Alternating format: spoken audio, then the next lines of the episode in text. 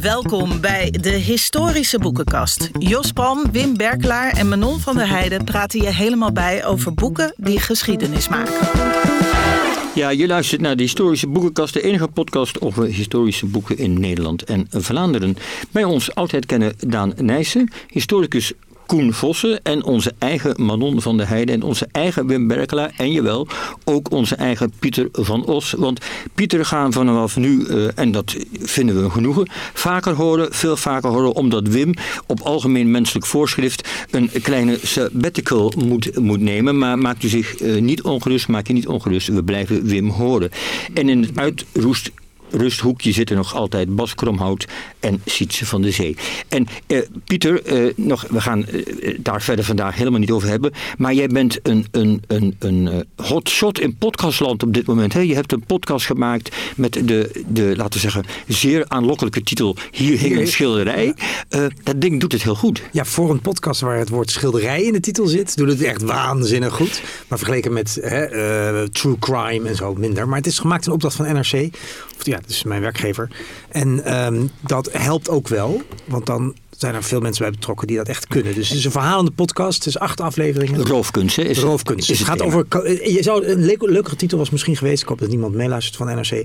De slag om de Kandinsky uit het stedelijk. Juist. Om één schilderij. Dat is voor. Ja, oké. Okay. Ja. Goed. Uh, ma, uh, uh, Wim, Daan Nijssen is de hoofdact. Wat, wat gaan we met Daan precies doen? We gaan spreken over zijn boek. Alle wegen. Dat vind ik nog een, echt een mooie titel. Alle wegen leiden naar Babel. Je weet, de uitdrukking is altijd: alle wegen naar, leiden naar Rome. Maar hij legt ons uit naar Babel.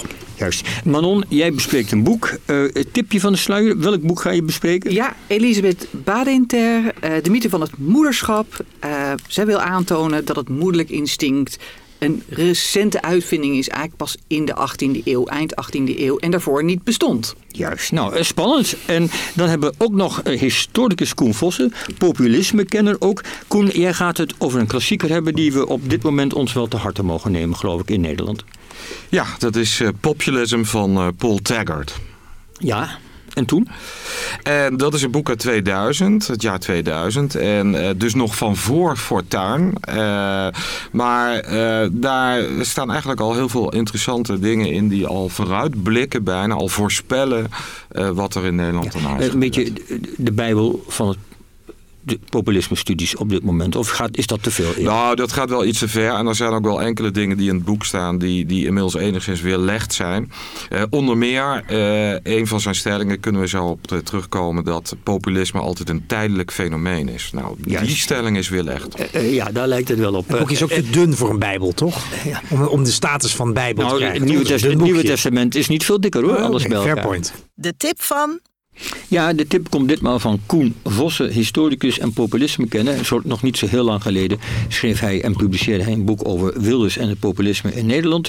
Um, um, um, Koen, je zit hier nu omdat je ons kennis wilt laten maken met het boek Populism, geschreven door de Britse politicoloog en politicus Paul Taggart. Uh, dat boek stamt uit 2000. Zes, net voor Fortuyn, zes jaar voor Wilders, 17 jaar voor Baudet en 17 jaar voor Donald Trump. Deze man was er dus vroeg bij. Waarom juist toen dat boek? Ja, um, hij hield zich bezig met uh, vooral in Scandinavië een aantal uh, nieuwe partijen die daar zo waren opgekomen. Die uh, niet heel duidelijk te categoriseren waren. En de term populisme uh, kwam daar toen uh, op een gegeven moment op. En hij ontdekte daarbij dat er wel al een bepaalde literatuur was over populisme. En is toen zich daar wat meer in gaan verdiepen. En is eigenlijk toen met dit boek gekomen waarmee hij, je zou zeggen, een van degenen is die toch een nieuwe kijk wist te presenteren op allerlei nieuwe fenomenen die we, die we zagen in uh, Europa, in de Verenigde Staten, in Australië, hè, dus over de, de hele wereld. Uh, waarbij hij eigenlijk een alternatief bood voor die toch wat onbevredigende term uh, extreem rechts, die dat toen vaak uh, uh, genoemd werd. Hè? Dus extreem rechts was de term die vrij veel gebruikt werd voor allerlei bewegingen. Ook in Nederland zag je dat toen bijvoorbeeld Fortuyn opkwam, dat vrij snel die term extreem rechts werd gebruikt. Maar er was er ook sterk het idee van ja, nou ja, is toch niet helemaal bevredigend. Want extreem rechts, ja, dat heeft dan weer snel te maken met, met neofascisme of neonazies. Hè, die, die hoeken. Uh, en, en daar zit het toch niet. Het, het, het is, er zijn wel uh, uh, overgangen, er is wat verwantschap, maar het is te makkelijk om het daar te plaatsen. Dat aan de ene kant. Aan de andere kant was er ook vanuit links een nieuwe stroming die je op verschillende plekken zag. Die wat minder klassiek marxistisch en met een voorhoede-theorie werkte als het ware, maar wat meer... Um, ja, wat anti-intellectualistischer, wat arbeideristisch noemden ze het vaak. We hadden in Nederland natuurlijk de SP, jou, jou wel bekend natuurlijk, die, die daar een, een mooi voorbeeld uh, van was. En uh, ook daar was, ja, wat, wat is dit voor een soort links? En die term populisme bleek daar ook wel heel erg geschikt voor te zijn. Dus op een gegeven moment kwamen we met die term populisme, die, die een uh, vrij geschikte term kon zijn om, om verschillende fenomenen te verklaren. Ja, en dan is natuurlijk de volgende vraag, um, want je zegt, jij zat de SP jou niet onbekend inderdaad. Dat, ik was toen uh, actief lid van de toen nog Maoïstische SP, wat inderdaad een populistische club was. Hadden wij bijvoorbeeld enquêtes die we deur aan deur hielden en dan vroegen we, bent, de eerste vraag was altijd, vindt u dit en dit? Bent u ook van mening dat, dat en dat? En zo, ging dat, vraag. zo ging dat altijd. Maar goed, dat allemaal niet de zaken nu. Um, die term van het fenomeen populisme, hoe definieert hij dan die term? Nou ja, hij uh, uh, begint al met... met... Is, is hij de bedenker ervan? Van? Nee, nee, zeker okay. niet. Nee, zeker niet. Kijk, die, die, die, die term populisme, die, als je eenmaal teruggaat, dan, dan ga je naar de Verenigde Staten rond 1900, hè, waar het voor het eerst een partij was, de People's Party, die in de volksmond wel de populists werd genoemd. En toen is die term wat gaan reizen. Uh, als je kijkt, uh, in, het, in het oude dikke van Dalen staat nog bij populisme. ik geloof zoiets van een Franse literaire stroming die het leven van gewone mensen centraal stelt. Zo. Dus, hè, dus zo'n soort term, populisme, ja. dat had daarmee te maken. Nou, daarna is die term wat gaan reizen en toch vooral gaan, gaan betekenen wat exotische figuren. Vooral wat in Latijns-Amerika werd ernaar verwezen. Ehm, dus die, die term die is op een gegeven moment ook in de, in de Verenigde Staten is er een heel debat gekomen tussen uh, vooral marxistische historici over die People's Party. Dan hebben we het over Hofstadter, Lipset en zo. Die die term populisme toch wat negatiever gingen uh, interpreteren. En eigenlijk als een vorm van, ja, wat dan mooi heet, vals bewustzijn. Ja, hè, maar... Onder de arbeiders. Nou, ja. en, en, en, die wilden dat verklaren hoe, hoe dat in, in Amerika is gegaan. Nou, die term is dus helemaal gaan reizen door de tijd heen. Kwam toen weer in de jaren negentig wat op. En uh, Taggart die heeft daar probeert toch weer wat helderheid in te scheppen. Door te zeggen. Kijk, bij populisme gaat het steeds om het verheerlijken van een, uh, een, een soort idee van het volk. de term sociaal construct uh, werd al een, een soort idee van ooit was er het volk nog perfect. Uh, leefde in een soort uh, heile welt, een, een heartland noemt hij het. en dat is door uh, uh, eigenlijk het gedrag van politieke elites is die, dat volk in het gedrang gekomen. Is, is, uh, en wat nou moet gebeuren is, dat moeten we weer herstellen. Dat we teruggaan naar die kern van het oude Heartland. Daar ja. leeft de wijsheid. Daar moeten we... Dus de, hij heeft bedacht, wil je, die populist, wil je het populisme als fenomeenverschijnsel begrijpen... dan moet je goed in de gaten houden dat ze een soort gevoel hebben, een verlangen... misschien zelfs een programmatisch iets van ja. een, het zoeken naar een Heartland, uh, een kerngebied. Maar dan hebben we het eindelijk over een gedroomde werkelijkheid die er had moeten zijn. Of waar, waar hebben we het dan over? Ja, want hoe lang geleden moet dat zijn? Nee, nee want hebben we het dan bijvoorbeeld over het uh, forumland van Baudet? Hebben we het over Nederland teruggeven aan de Nederlanders van Wilders? Waar hebben we het nou, over? We hebben het ook al over de kleine luiden van Abraham Kuyper. Ja, maar dus, ja, je kunt ja, ver, nee, ver teruggaan. maar... Nou, een soort... Uh, kijk, je, je, je kunt zeggen dat, er, dat het van twee kanten komt. Je hebt aan de ene kant heb je vanuit intellectuele elites, uh, uh, groepen die op een gegeven moment naar dat volk gaan kijken en dat gaan verheerlijken en daar een soort, soort beeld van hebben van zo, dat moet het zijn. We moeten niet meer naar die elites zelf kijken. Mm -hmm. dat, uh, en, en ja, je, je maakt dat in tot kleine luiden die de ware wijsheid eigenlijk hebben, de ware vroomheid hebben. Anders ja. dan die elites die veel te intellectueel Een soort variant op de edele wilde van Rousseau. Maar, Als het ware. Ja. Dat is dus niet per se ja, in het verleden geplaatst het is wel zo dat gezegd wordt, die, die, dat, dat oorspronkelijke volk, dat kon nog eh, zichzelf zijn in het verleden, maar door allerlei ontwikkelingen die door elites zijn gestimuleerd, is dat in het gedrang gekomen. En dat moet weer hersteld worden. Dat die mensen weer kunnen zijn zoals ze willen zijn en zoals het hoort. Waarbij heel belangrijk de notie is bij het populisme van eh, normaliteit. Ja, maar waar ik dan benieuwd Gewoon dit- lekker dit- normaal doen. Ja, dit, dit is Ja, lekker normaal doen. Ja. Dus dat, dat idee, eh, wat ook natuurlijk, waar, waar- daar zie je dat populisme vaak heel goed samen kan gaan met, met een soort conservatisme.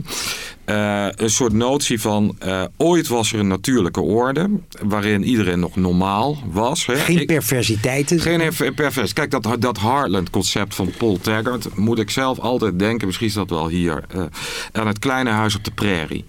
Het kleine huis op de prairie. Die ja. gezien. serie die je Ja. vroeger had bij de, bij de EO. Waar, eh, dat is het Heartland van Amerika. Ergens Ja. in Minnesota. En- Ergens, ergens in Iowa, Minnesota, Iowa, een, een man die nog een man is, een vrouw die nog een vrouw is en een moederinstinct heeft. Hè? En een vader die nog eh, hè, gewoon het hout hakt. Opa en oma die bij inwonen, daar wordt ook voor gezorgd. maar- Nabuurschap, zoals we het nu eh, noemen. Al dat soort ideeën van, ja, dit was hoe het moest zijn. Maar dit was dus het een- echte volk. Maar Koen, dat is natuurlijk een ijzersterk model. Dat Ja, want ook. krijg maar eens een spel tussen. Want waar, wat ik me ook afvraag is het volgende. Er zijn twee dingen. Het is een ijzersterk propagandamiddel. Dat zien we ook nu weer aan Wilders. Nederland teruggeven aan de Nederlanders. Het echte Ja. Nederland weer terugwinnen op die verschrikkelijke werkelijkheid. Ehm, dat, is, dat is dus een ijzersterk model. Maar waar ik natuurlijk toch razend benieuwd ben. Als jij zo dat Little House on the Prairie schetst. Dan denk ik, ja, met droge ogen gelooft toch geen normaal mens daar meer in. Geloven de mensen dit echt? Ik bedoel, dit is theorie. Maar de, de, de, de kiezers, de, de, Nou, de mensen, geloven die dit? Geloven Kijk. die ook van, er is een hartland, een kerngebied in Nederland wat we kwijt zijn? We zijn het echte Nederland kwijt. Geloven Ja. mensen dat? Nou ja, dat, ik denk dat dat heel erg eh, aan kan slaan. Dat het heel erg resoneert. Vooral als het samengaat. En dat Taggart legt uit van hè, populisme, de empty shell of populism. Nou, je zou kunnen zeggen, populisme gaat altijd samen met iets anders. Hè? Dus dat, dit is het, het, het wat romantische idee van een, een volk wat, wat nog een Heartland is tegenover een slechte elite. Eh, bij Wilders gaat het heel sterk samen bij wat dan heet een nativisme. Dat je zegt, politiek moet gaan over je eigen volk. Dat eigen volk moet altijd voorrang krijgen. Boven alles. En dat is dus een ander soort nationalisme. Het is niet agressief, het is niet naar buiten gericht. Nee, het is heel sterk naar binnen gericht. Waarbij elites eigenlijk... De partijen moeten belangenpartijen zijn van de gewone mensen. Maar Ja, Koen, zit, er- zit er Dat niet- is, dat is denk ik de, Maar de, de, niet- de, de, de basis. Wim, Jij eerst. en dan zit er niet Pieter. één, eh, laten we zeggen, één, eh tussen agressief element, namelijk tegen het globalisme? Is dat niet de pendant van het populisme? Dat je tegen het globalisme bent? Dus Ja. dat nativisme of nativisme tegenover het globalisme staat? Dus er wel degelijk Nou, een agressief element in zit? Eh, Kijk, ik denk dat als je dat gaat, gaat eh, eh, ontleden, dan is het meer gericht tegen elites die niet meer voor het eigen volk staan, maar die het interessanter vinden om met elites van andere landen eh, te overleggen. Dat vinden ze veel interessanter dan met hun eigen mensen bezig te houden. Hè? Dus, dus, eh, eh, en dat, dat, dat resoneert heel sterk, want dat appelleert aan een idee dat politici daar moeten zijn om het belangen te behartigen van hun kiezers, hun En dat- eigen mensen. ja. En daar valt zo weinig tegen in te brengen. Ja, want dit, dit, zij, Dat is zij zijn, lastige. Ja, dit is, Tegelijkertijd dit is de grachtengordel, bla bla. Ja, ja, en ik vind het misschien, nou, misschien geldt wel voor mij, laat ik op mezelf hebben. Misschien vind ik het soms ook interessanter om met elites, eh, of leden van elites uit andere landen Nou ja. om te gaan. Dus ik bedoel, eh, daar Ja. zit natuurlijk iets In Albanië waars bijvoorbeeld. in. Ja. In Albanië. Ja, maar Pieter gaat vaak op aan Albanië om elites jouw, te ontmoeten. jouw vraag Ga door. was Ja. aan eh, Koen, eh, geloven ze het echt? Hè? Dus die, eh, even terug naar jouw man, Taggart, hè? en dat Heartland-concept. Denk jij bij reclame ook, mensen hoeven het niet echt te geloven om de aantrekkingskracht ervan te voelen. Toch? Dus misschien gelooft niet iedereen het echt, die daar zich Nou, aangetrokken toe voelt. Kijk, het, het, het, het gaat samen met eh, een, een, een vervalidee. Een idee van eh, het gaat, en dat blijkt ook echt uit kiezersonderzoeken. Als je aan de basis kijkt naar wat die kiezers vaak drijft, is het, wat noemen ze wel, declinisme. Gewoon het idee, het gaat steeds slechter in Nederland. Het was ooit veel beter.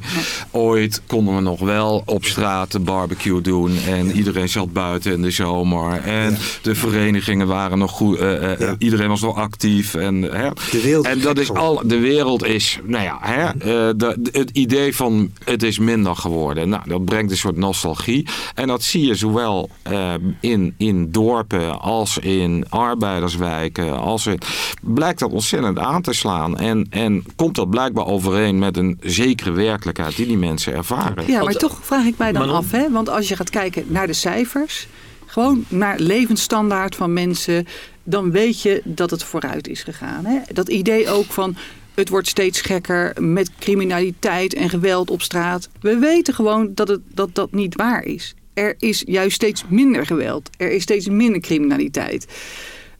Hoe komt dat dan dat mensen toch de ervaring hebben dat het tegenovergestelde Ik, gebeurt? ik heb daar, Koen komt nu, maar ik heb een heel simpel antwoord. Dat Oh. heet opsporing verzocht.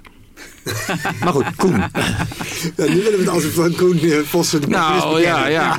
Eh, kijk, eh, eh, dat heeft denk ik gewoon te maken dat jij er als individu niet zo heel veel aan hebt. Dat de statistieken zeggen dat het collectief eh, beter en, je- en, je- gaat. en waarschijnlijk En jij, dat en jij daar Ja. bijvoorbeeld mee geconfronteerd wordt. Hè, kijk, als jij, eh, maar dat als jij een bepaalde al- ziekte ja. krijgt en ze zegt reaal, ja, normaal gesproken is deze ziekte ste komt steeds minder voor. Ja, wat heb je daaraan? Ja, ja, ja, de- en dat geldt natuurlijk ook met armoede, met inflatie. Nou, omdat mijn vraag zou zijn van waarom komt het dan nu weer zo op? Waarom hebben we een hele periode gehad waarin dat niet zo bleek te spelen, terwijl mensen toen slechter af waren en nog ste en eh, dus waarom komt is dat nu dan wel het geval?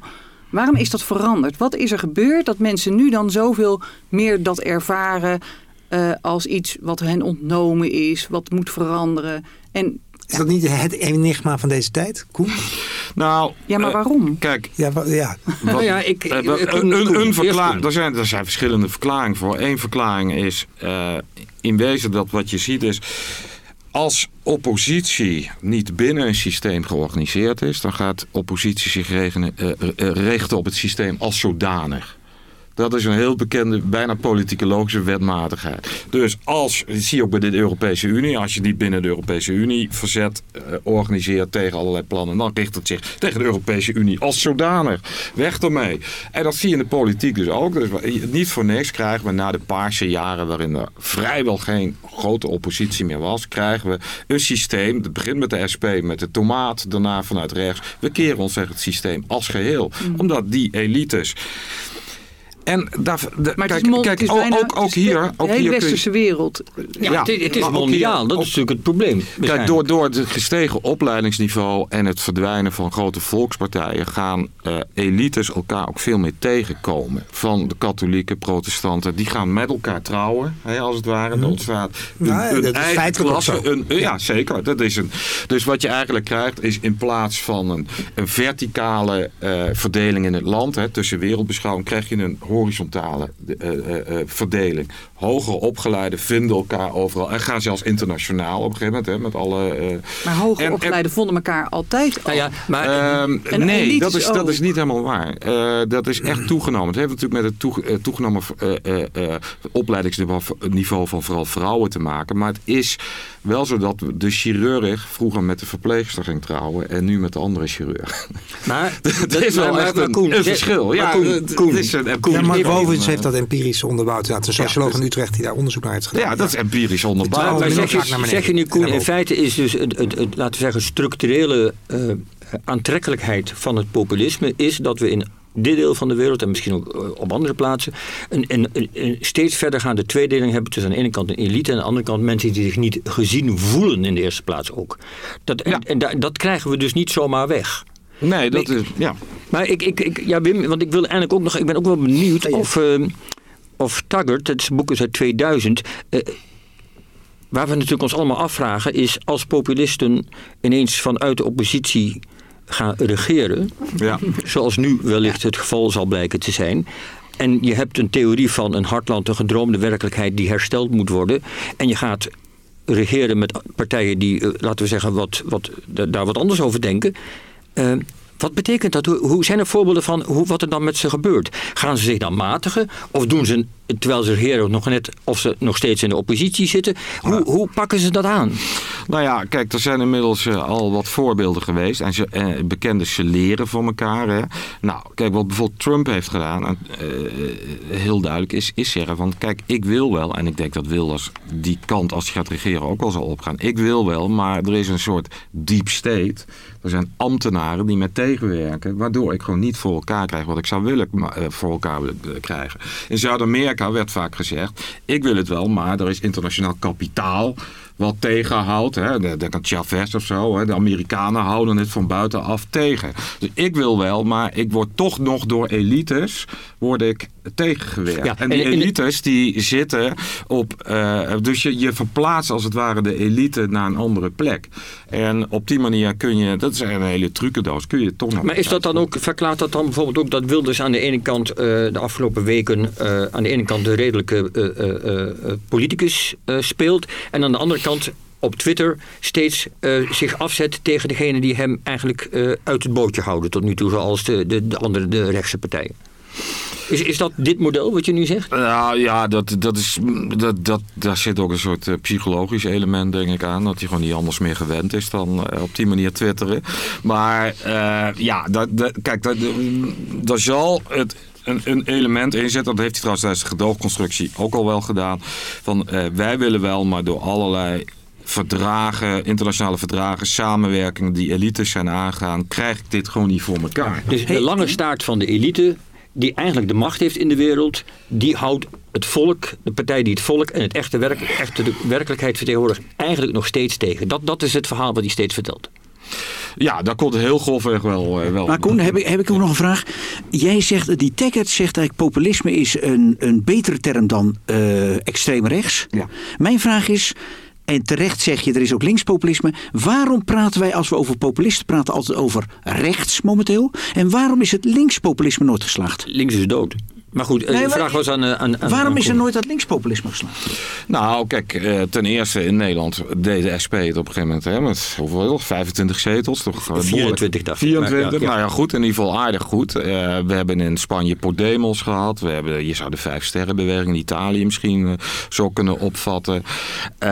nu in Duitsland Sarah Wagenknecht gaat die kant weer heel erg op. Dus dat linkspopulisme heeft eigenlijk ongelooflijk veel potentie. Maar is, is het probleem... het slaagt nooit. Wacht maar, zeg jij dus, Koen. Jij zegt, wacht maar, zeg jij. Ja, maar ik wel benieuwd... Nou ja, kijk, uh, Wilders is in zekere zin al uh, een linkspopulist geworden. In de zin van dat het was altijd al duidelijk voor politicologen... waar zitten de meeste kiezers...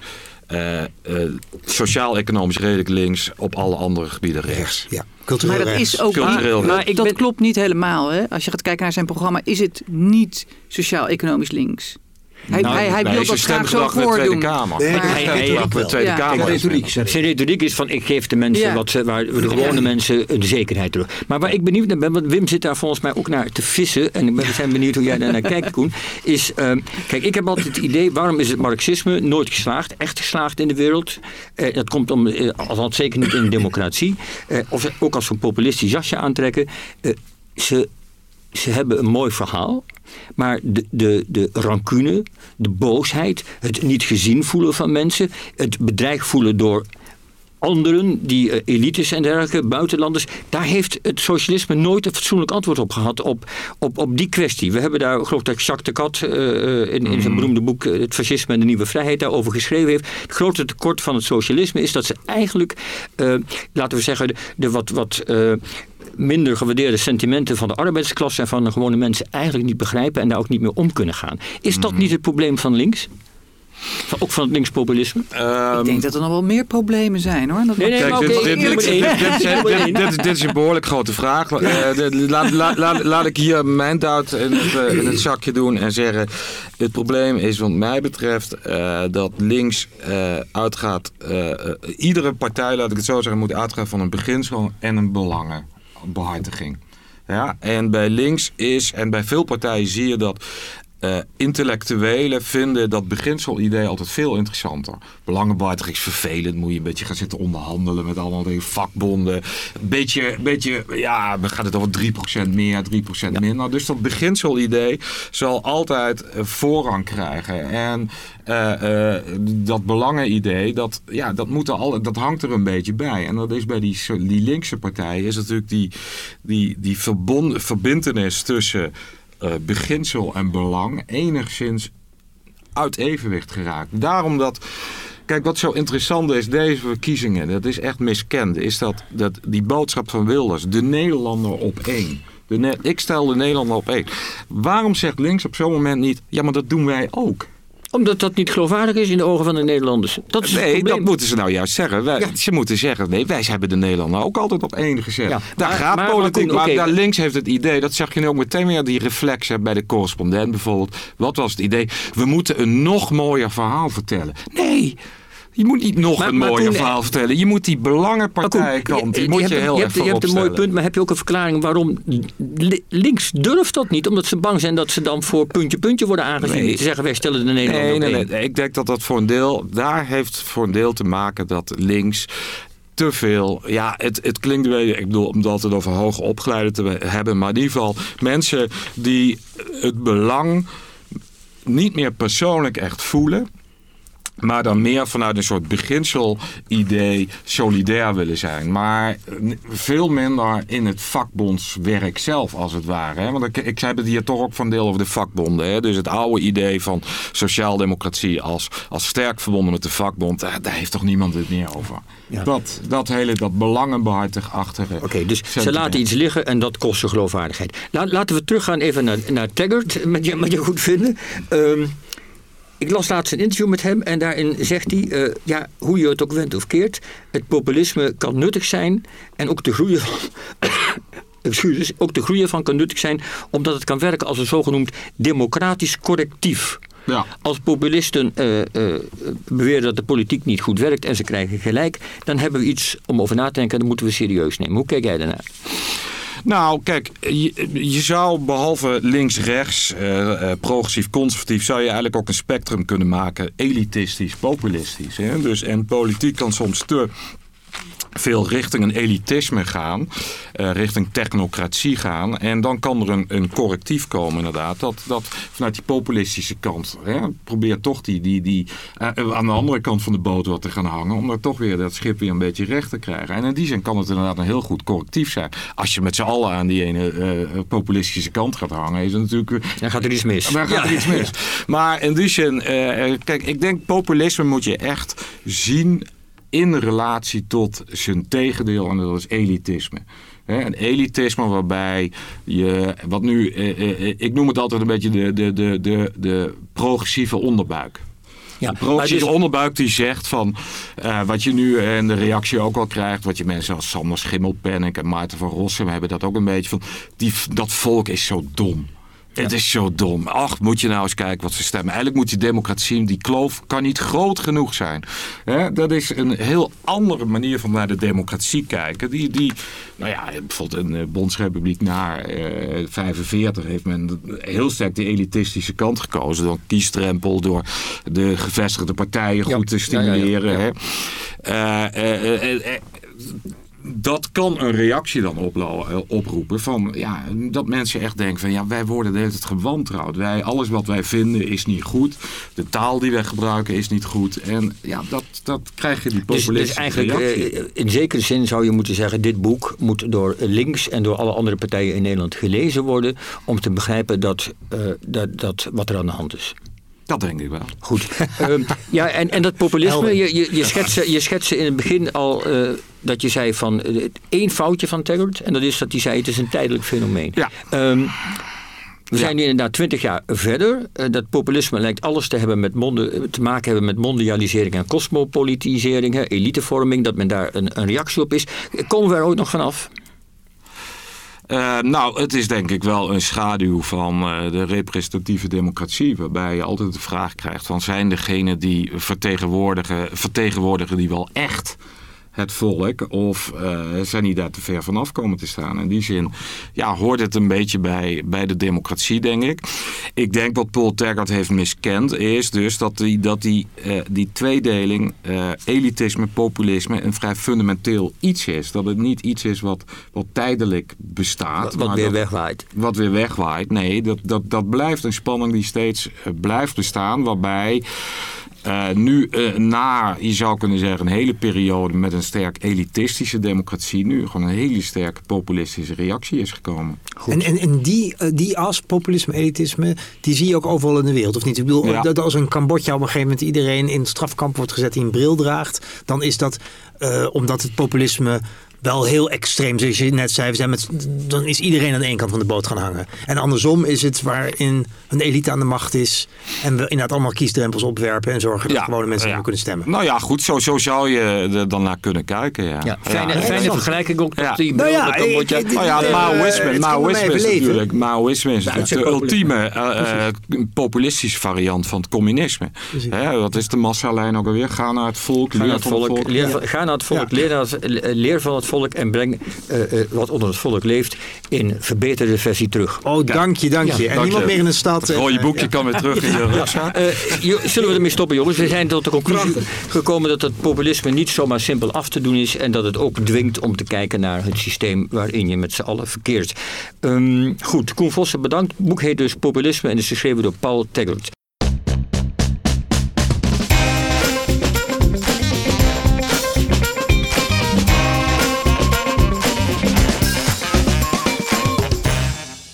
Alle wegen leiden naar Babel. Zo heet het nieuwe boek van oudheidkenner Daan Nijssen. Eerder schreef hij al het wereldrijk van, twee van het Twee-Stromenland. En het gaat niet over het land tussen de Maas en Waal, maar over het land tussen de Eufraat en de Tigris. Uh, een plek waar in de Bijbel vaak naar wordt verwezen. En nu dus een nieuw boek over wat Daan noemt de voorgeschiedenis van de zijderoute. Daan, welkom. Uh, de meeste oudheidkundigen die, die wij kennen, die zijn zich aan het bekommeren om het oude klassieke Griekenland, Rome of desnoods Egypte. Uh, maar twee stromenland, Babylonië, Mesopotamië, Assyrië. Uh, wat, is daar, wat maakt dat je daar ingedoken bent? Wat is daar van eer aan te behalen?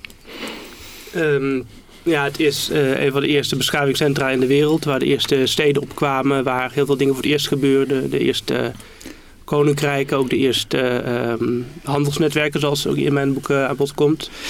En ja, het was uh, de geschiedenis van Mesopotamië. Dus dat Tweestromenland is niet alleen de geschiedenis van Mesopotamië, maar het, uh, het gebied had ook contacten met de Middellandse Zeekust, met, met Centraal-Azië. En eigenlijk dat hele Midden-Oosten, wat we nu het Midden-Oosten noemen, of Zuidwest-Azië, dat is eigenlijk, speelt een hele belangrijke rol in de wereldgeschiedenis, de eerste paar duizend jaar.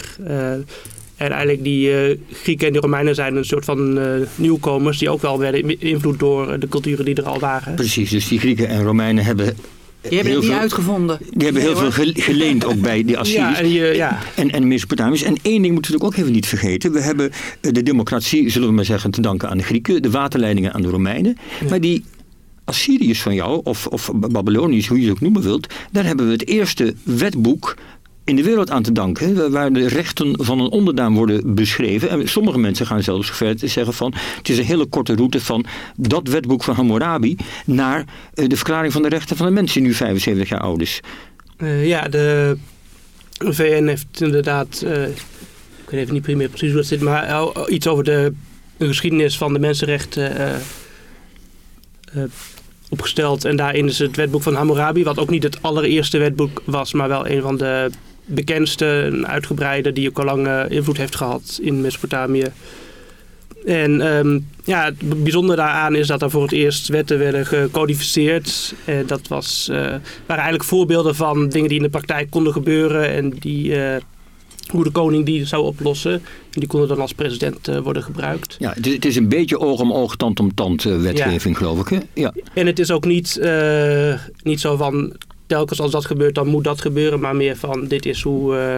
Eigenlijk meer ook, het idee is ook een beetje om de universele orde te herstellen. Inderdaad, als iemand een oog uitsteekt van een ander, dat het ook jouw oog kan worden uitgestoken. Maar vaak werd het bijvoorbeeld ook op, opgelost met betalen van een schadevergoeding. Daar kon je, zeker als je rijk was, gewoon heel veel mee Ja, wegkomen. maar toch ter regulering, behoud van algemene vrede. Ja, en ook om bijvoorbeeld eh, ja, dingen als eerwraak of stammenstrijden zo eh, aan banden te leggen. Dat eigenlijk de, ja, de koning de, wel echt de, De grote gezagsdrager Ja, was. dus Ja. dit is echt een punt wat we deze, deze cultuur Ja. moeten nageven. Dus hebben ze toch maar gepresteerd. Het Ja. eerste, eh, zeg maar, gecodificeerde recht op Ja. aarde gecreëerd. Goed, je boek Alle wegen leiden naar Babel, de voorgeschiedenis van de zijderoute.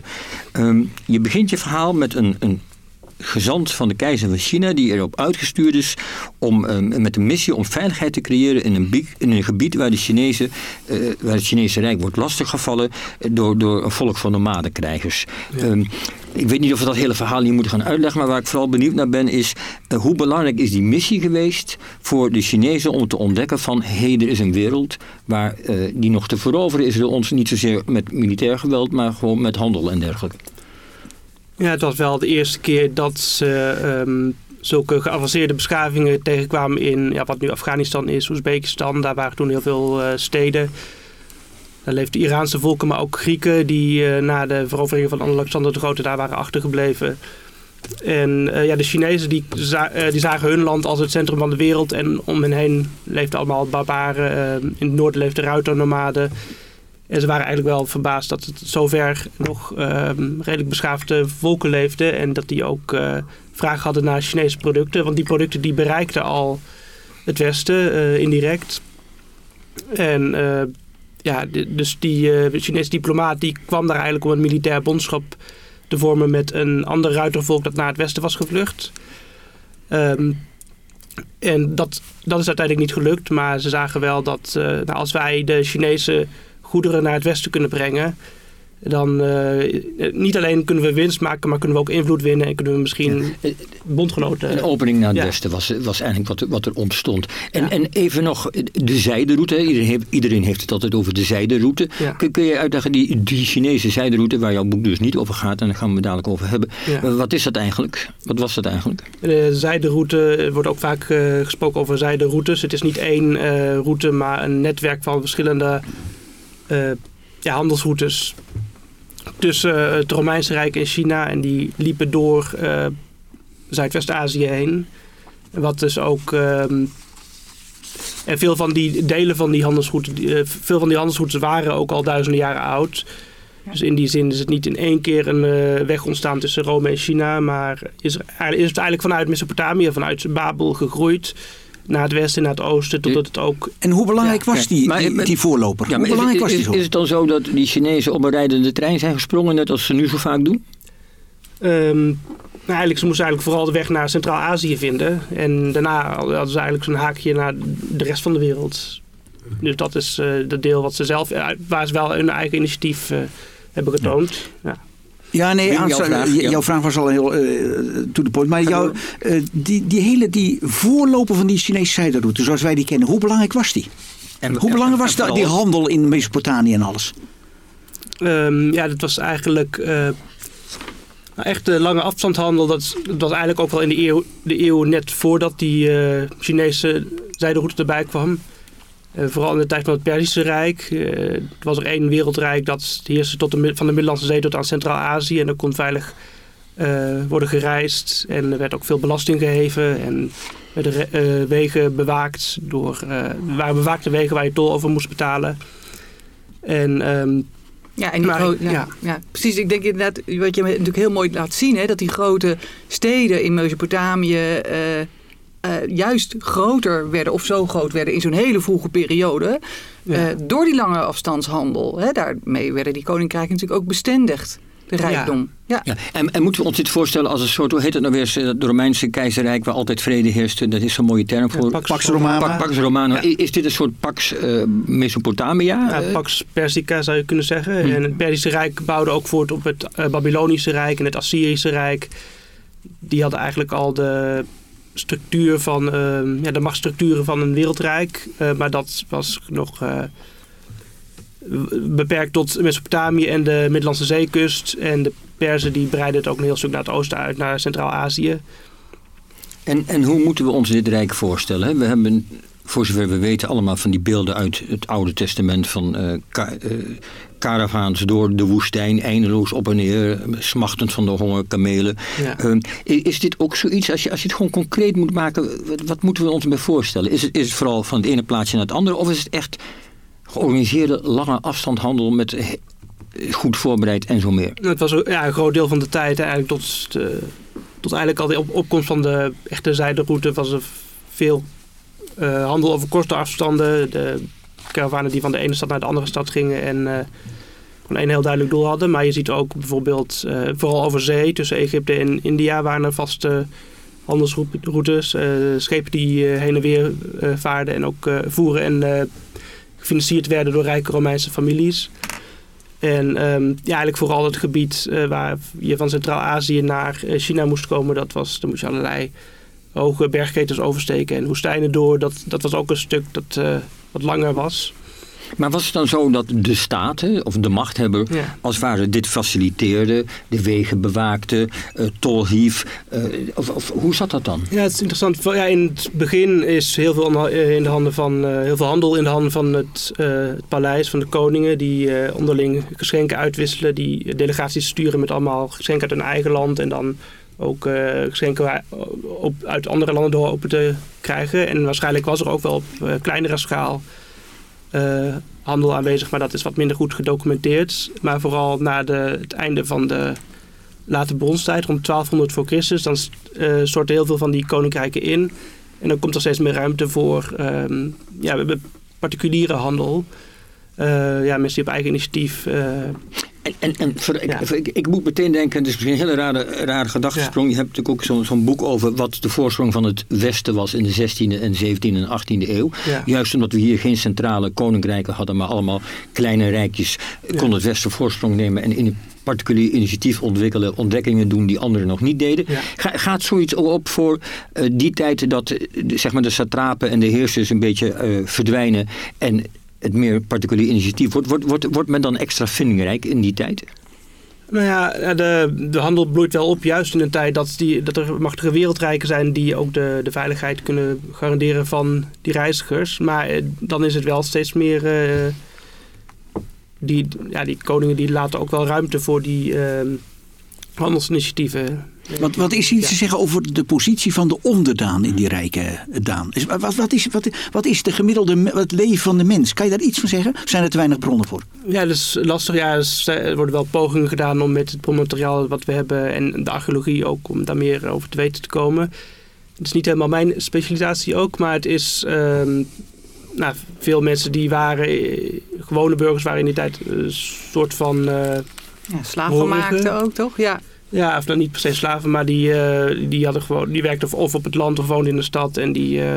en konden ze ook burger worden? In, Ro in Rome kon je burger worden. Je was slaven, kon je burger worden. Was dat ook, zover weten, iets in die Assyrische of Babylonische rijken? Nou ja, dan moet je echt met andere uh, termen gebruiken. In de tijd ja. van Hammurabi bijvoorbeeld had je wel drie klassen. De Abilum, okay. dat waren de vrije burgers. Dat waren ja, mensen die een eigen huis hadden, die akkers hadden misschien. En je had de Mushkenum, de, de, de dat is een soort tussencategorie, dus je weet niet precies wat dat is. En je hebt de, de Wardu, en dat, waren, dat wordt dan slaven genoemd, maar dat zijn ook het verschil tussen slaaf of uh, dienaar, gewoon iemand die in een huis van een ander dient, dat is niet zo heel uh, duidelijk. Maar wat je bijvoorbeeld hebt, uh, chattel slavery, zoals je dat kent in de, ja, van de Afro-Amerikanen, dat mensen ver weg worden vervoerd en als uh, soort van vee worden verkocht en families uit elkaar worden gehaald. Dat gebeurde in die tijd weinig. Maar, maar wel krijgsgevangenen bijvoorbeeld die daarvoor werden ingezet. Ja, ik ben ook te weten dat de Assyriërs bijvoorbeeld bekend staan als de eerste uh, uh, machthebbers die volksverplaatsingen doen op, ja. tegen het genocideachtige aan. Ja. Maar dat is misschien een reputatie die, uh, waar we nu niet zoveel mee opschieten. Maar waar ik wel benieuwd naar ben, ergens in een interview met jou kom ik tegen dat je zegt... ja, ik heb het idee dat de mensen die in dit, in dit rijk woonden redelijk tevreden waren. En ergens begrijp ik dat niet. Ik probeer dat te begrijpen. Heb ik dat goed gelezen? Of... Um, ik weet even niet... Uh... Dat heb ik. Waar dat naar verwijst naar. Ja, in een interview met. Um... Dat was de, misschien jouw wens van de gedachte, ja. Jos? Nee, ik heb het echt in een interview gelezen. Maar jij... nou, even kijken, ja, dus. Um... Nee, je hoeft er verder... Nou ja, ik denk, eh, dat zou je moeilijk kunnen zeggen. Van, het valt moeilijk te achterhalen of ze tevreden waren, want ze schreven daar zelf niet over. Maar, ehm, dus daarom denk ik ook niet dat...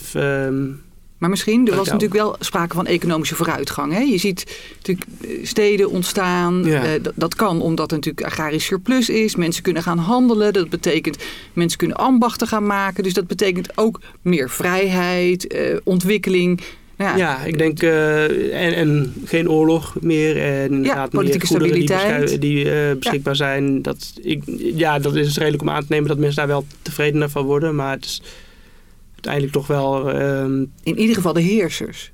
ja, die, die, die waren eh, goed af met die mooie nieuwe spulletjes. Maar Ja, dit, dit, als je je boek leest, dan, dan komt er toch uiteindelijk één gedachte bij je op van... ehm, dit is al een vorm van mondialisering.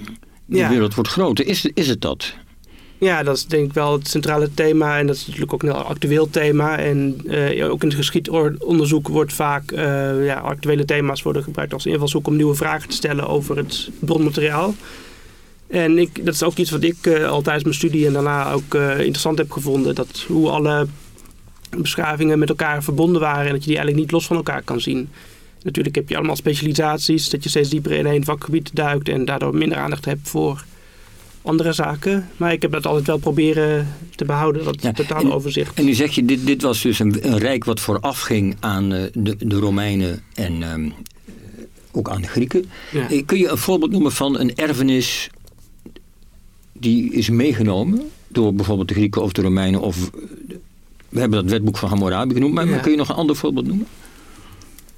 Nou ja, de Grieken die veroverden eigenlijk, eh, onder Alexander de Grote veroverde gebied in het oosten. En eh, Alexander heeft altijd zijn eigen leven zich probeert zich steeds meer te modellen, mm, eh, te presenteren als een Perzische vorst. Ook om zijn Perzische onderdanen te ehm, behagen. Maar dat li- riep ook weer verzet op onder de Griekse aanhangers. En de, ja, de verschillende generaals uit zijn leger die na zijn dood om de macht streden... Die hebben ook eh, op, allemaal op hun eigen manier pogingen gedaan. Maar, om, eh, maar is dan ja. dat heersersmodel, hè, van ik ben een soort bijna godkoning, wat je Ja. bij Alexander de Grote ziet, eh, wat je later ook bij de Romeinse keizers ziet, vindt dat dan zijn oorsprong in dat gebied wat jij bestudeerd hebt? Ja, dat denk ik wel. Het is ja, om echt die eh, ontwikkeling te reconstrueren en eh, te uitsluiten dat het een onafhankelijke ontwikkeling is, dat is natuurlijk lastig. Maar ik denk dat... Het, het lijkt er verdomd veel op dat het wel zo is. Ja, want uh, waar is het anders vandaan gehaald? En ook omdat natuurlijk die culturen met elkaar in verbinding waren. eh, ja, je kan niet zeggen dat die Grieken en de Romeinen niet wisten van het Oosterse heerschappijmodel. Ja, wil je dus iets... Ja, nou goed. Eh, Daan, dankjewel. Je boek heet dus Alle wegen leiden naar Babel, de voorgeschiedenis van de zijderoute. De boekbespreking van Manon van der Heijden. Ja, toen de mythe van het moederschap, een historische kijk op het moederinstinct van Elizabeth Badinter in 1980 verscheen, was het voor veel vrouwen een bevrijdingsboek. Eindelijk iemand die in het spoor van Simone de Beauvoir de vrouw bevrijdde van haar door God en burgermaatschappij opgedrongen taak van het moederschap. Want het zogeheten moederinstinct leek eeuwenlang zo goed als niet te hebben bestaan, bewees de schrijfster met harde historische feiten. Ja. En, en, ja, Manon. En dat boek is nu heruitgegeven met een voorwoord van journalist en publicist Sandra Schutte. Manon, we gaan ongetwijfeld op de historische hardheid van het materiaal een tijd lang praten. Maar laten we eerst even teruggaan naar het moment in 1980 dat het boek uitgegeven wordt. Eh, was dat inderdaad, werd dat inderdaad ontvangen als een bevrijdingsboek? Ja, zeker. Dus eh Badinter zag zichzelf inderdaad als leerling eh, van de Beauvoir. Ze noemde zelfs het mijn moeder. Eh, ik vind zelf dat dat niet helemaal recht doet aan de kwaliteit van, van de Beauvoirs werk. Maar inderdaad, het werd heel hartelijk ontvangen, omdat nu eindelijk zogenaamd aangetoond zou worden dat zoiets als moederschap, eh, moederinstinct, moederlijke liefde eh, niet een gegeven is, een, eh, maar iets wat een sociaal construct is. Ja. En dus veranderlijk en zeker niet altijd heeft bestaan. En dat probeert Badinter in haar werk ook aan te tonen. Het is eigenlijk een uitvinding van de 18e eeuw. Uitgevonden door vooral filosofen zoals Rousseau. Eh, die vonden dat vrouwen thuis moesten zitten. Eh, nou, dan krijg je ook dat hele idee van kostwinnaarsideaal. Eh, maar kortom, het is een uitvinding en zeker niet iets wat al eeuwen bestond. Ja, iets want- nieuws. Want, want het, wat, wat dit boek onderscheidt in zijn eigen tijd, in de jaren tachtig, is dat het, laten we zeggen voor het gemak even, niet een pamflet is, maar met waarschijnlijk met koele hand harde historische feiten hanteert. Het is een historische studie, zo is het gepresenteerd, toch? Ja, zo is het gepresenteerd. Maar naar mijn idee, hè, al- al- als historicus, is dat het eigenlijk niet. Het is voornamelijk gewoon een, een echt ja, feministisch, eh, filosofisch eh, boek. Eh, ook heel erg vanuit het- de persoon geschreven. Ze schrijft heel erg vanuit haar eigen moederschapsidee. Eh, ze zegt ook. Was van- zij wel moeder ook? Ja, Want eh, Simone. Beauvoir heeft natuurlijk geen kinderen. Ja, nee, nee, ze, zeker. Ze had drie kinderen. En ze zegt ook van, kijk, eh, moederliefde, dat is een keuze. En zij heeft er zelf voor gekozen om van haar kinderen te houden. Maar eigenlijk heb je dus die vrijheid. En eh, het klopt, hè, ze heeft inderdaad, ze zegt zelf, ze noemt het historische kijk op het moederschap. En gaat terug naar nou, de late middeleeuwen zelfs. eh, om aan te tonen dat daarvoor eigenlijk helemaal geen sprake was van moederliefde of moederlijk instinct. En dat er op een hele andere manier naar kinderen werd gekeken. En dat vrouwen op een hele andere manier ook met hun kinderen omgingen. Ja, en, en ze noemt ook voorbeelden in de zin van dat ze zegt, ja, heel veel moeders die besteden een kind uit aan een min en die zien zo'n kind een half Ja. jaar lang niet. Ja. Eh, dat bewijst alleen al dat die moederliefde zoals we er nu naar kijken toen niet bestond. Ja, ze, ze heeft. Is dat- ja, ja. ze noemt inderdaad een aantal zaken. Hè. Een feit is natuurlijk dat er hele grote kindersterfte was. Dat eh, van daaruit zouden mensen het moeilijk vinden om zich te hechten aan nieuwe kinderen. Want ja, hele grote kans dat ze zouden sterven.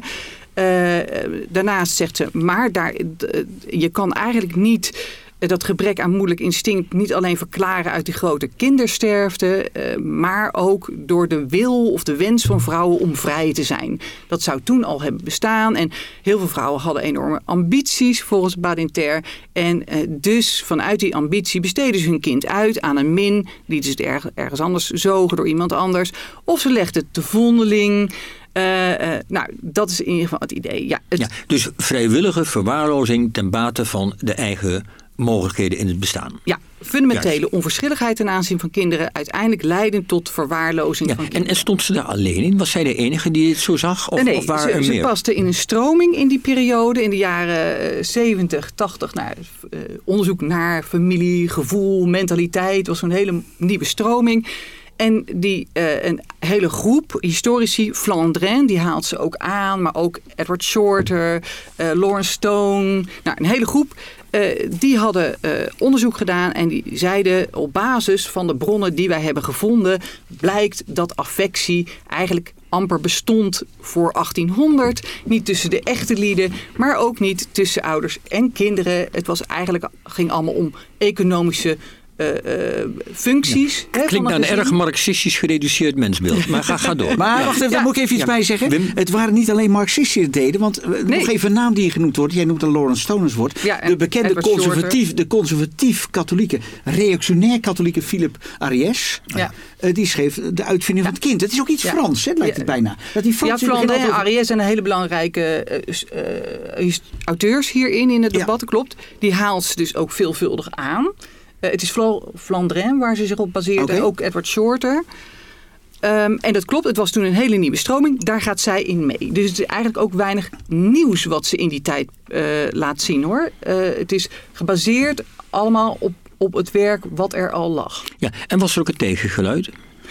Ja, eh, haar boek is dus eh, eh, met heel veel enthousiasme ontvangen in Frankrijk door ja, de hele politieke, maatschappelijke, feministische stroming. Maar door historici is het veel minder hartelijk ontvangen. Het is eigenlijk.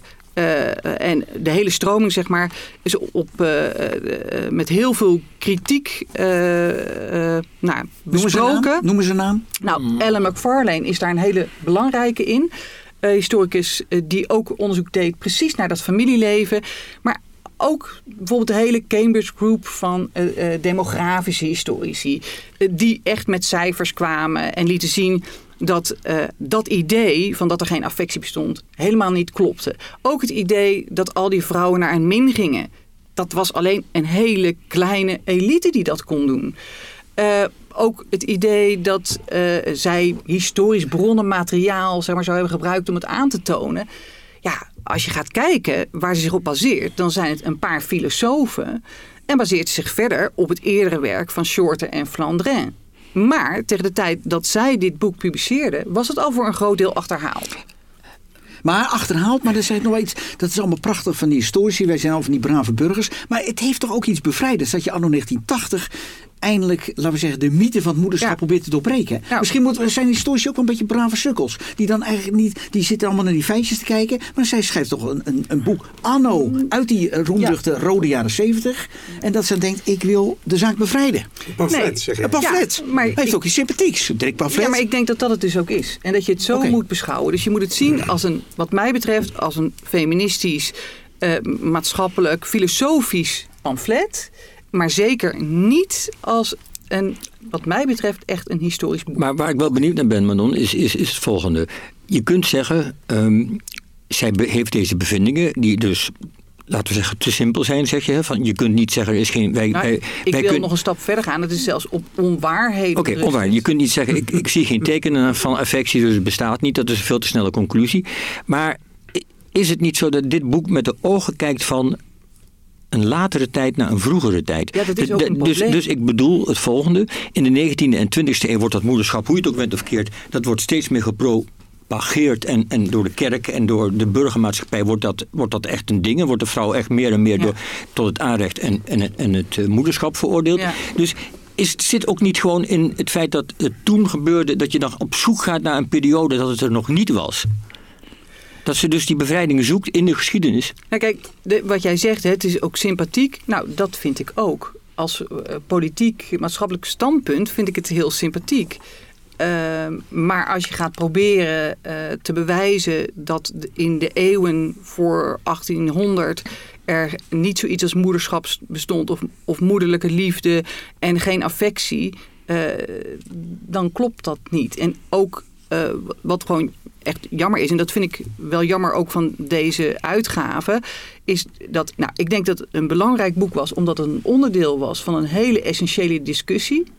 Uh, um, maar we weten inmiddels wel dat het een en ander genuanceerd moet worden daarin. En dat een, dat idee van affectie uh, niet klopt. Of in ieder geval niet ook voor het grootste deel van de bevolking. De bronnen die er worden gebruikt gaan echt over alleen maar een hele kleine bovenlaag. En, uh, en ik denk wat jammer is, is dat als dit boek in, veel meer in die context van dat debat was geplaatst, met een hele goede inleiding waarin wordt uitgelegd, kijk, het was van belang, want het representeerde toen een stroming die heel populair was en eigenlijk ook een nieuwe visie bracht, maar later wel grotendeels weer, weer legt, dat het dan zeg maar veel meer waarde heeft ook voor de hedendaagse ja, lezer. Het boek had, in, de waardeer, had in, in zijn tijd recht op een waardering, omdat het een bevrijdingsboek was, uh, maar het is uiteindelijk en als ik, als, ja, als ik je goed begrijp, vind je dus de, de inleiding eigenlijk ben je kritischer over dan het boek. Ik vind het is niet goed ingeleid op deze manier. Ik heb het nou, niet gelezen. Hè? Ja, wat ik jammer vind is dat Xandra Schutte die doet de inleiding en die, die uh, uh, nou, gaat vooral inderdaad in op het maatschappelijk belang ervan. En ze noemt in één klein stukje wel heel eventjes de kritiek van de historici, maar laat dat dan terzijde okay. en, en gaat daar niet op in. En dat vind ik eigenlijk heel jammer. Uh, want ik denk, als je dat boek recht wil doen hè, als klassieker uh, uh, en als belangrijk boek van die periode, dan moet je het ook wel duidelijker in een context, ook van het historische debat, plaatsen. Want als je zegt, ik baseer mij op historische bronnen en het, die historische bronnen kloppen niet, uh, uh, dan kan je zeggen, nou oké, okay, we, we, we, zijn een stap verder gekomen. Uh, maar ik vind dat dat wat duidelijker, ja, mm -hmm. Ook in die inleiding, zeker bij zo'n heruitgave, na zoveel jaar een boek opnieuw uitgeven, dan verdient dat ook wel enige uitleg. Manon, een, een, misschien te grote vraag voor, uh, om hier aan tafel beantwoord te krijgen. Maar jij bent historica, je houdt ook veel bezig met de 17e en 18e eeuw en de 16e eeuw. Um, waar staan we nu met betrekking tot uh, het moederschap als zijnde instinct of moederliefde als iets natuurlijks, uh, als het gaat om de historische kennis ervan? Is het iets is het een construct, zoals dat altijd zo mooi gezegd wordt, of hoe moeten we er naar kijken? Ja, ik denk dat je twee zaken moet onderscheiden. waar Badinter het eigenlijk over heeft, is over de taken ten aanzien van moederschap. En, en, en hoe je, uh, wat, wat de verantwoordelijkheid is van opvoeding. En wie daarvoor verantwoordelijkheid is. Maar dat is wat anders dan liefde voeden, affectie voelen voor een kind. Uh, dus ik denk dat dat fundamentele onderscheid veel uh, beter gemaakt moet worden. En wat moeilijk instinct is, dat is een zaak van biologen, psychologen. En veel minder van de historici. Dus historici moeten zich vooral bezighouden met van wat gebeurde er, hoe ging men ermee om en hoe vatte men die taak op. Ja, precies. Juist. Nou, Manon, dankjewel. Uh, is er nog iets wat we vergeten zijn te zeggen? Ik bedoel, raad je het boek toch nog op enige wijze aan? nee, ik denk als je uh, wilt weten uh, wat in die periode speelde, vooral. Ik denk dat dit boek representeert heel goed een nieuwe stroming in de geschiedwetenschap met een nieuwe kijk op het familieleven. Goed. Het boek heet dus De mythe van het moederschap, een historische blik op het moederinstinct en is geschreven door Elisabeth Badinter.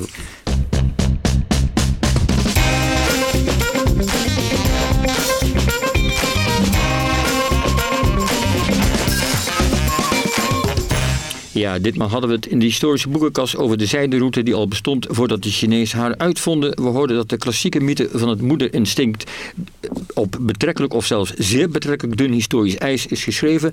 En we leerden dat populisten mensen zijn die hunkeren naar een hartland dat ooit had moeten bestaan of moet worden uitgevonden. Dank natuurlijk aan onze gasten Daan Nijssen en Koen Vossen en onze podcasters Manon van der Heijden, Wim Berkela en Pieter van Os. En natuurlijk ook dank aan Sietse van de Zee en Bas Kromhout die nog op het bijkombankje zitten. En uiteraard dank aan Astrid de Jong, de nachtzuster op vrijdagnacht op Radio 1 voor het lezen van de aankondigingen. En vanzelfsprekend dank aan Michael van Os voor het verzorgen van de techniek. Je luisterde naar de Historische Boekenkast. Een podcast van Historisch Nieuwsblad. Wil je meer weten over historische boeken en verhalen uit de geschiedenis? Schrijf je dan in voor de nieuwsbrief via historischnieuwsblad.nl/slash nieuwsbrief. En heb je vragen, opmerkingen of tips? Mail dan naar redactie.historischnieuwsblad.nl. Deze podcast wordt mede mogelijk gemaakt door Boomuitgevers Amsterdam, Uitgeverij Lano, Uniboek Het Spectrum en Libris Boekhandels.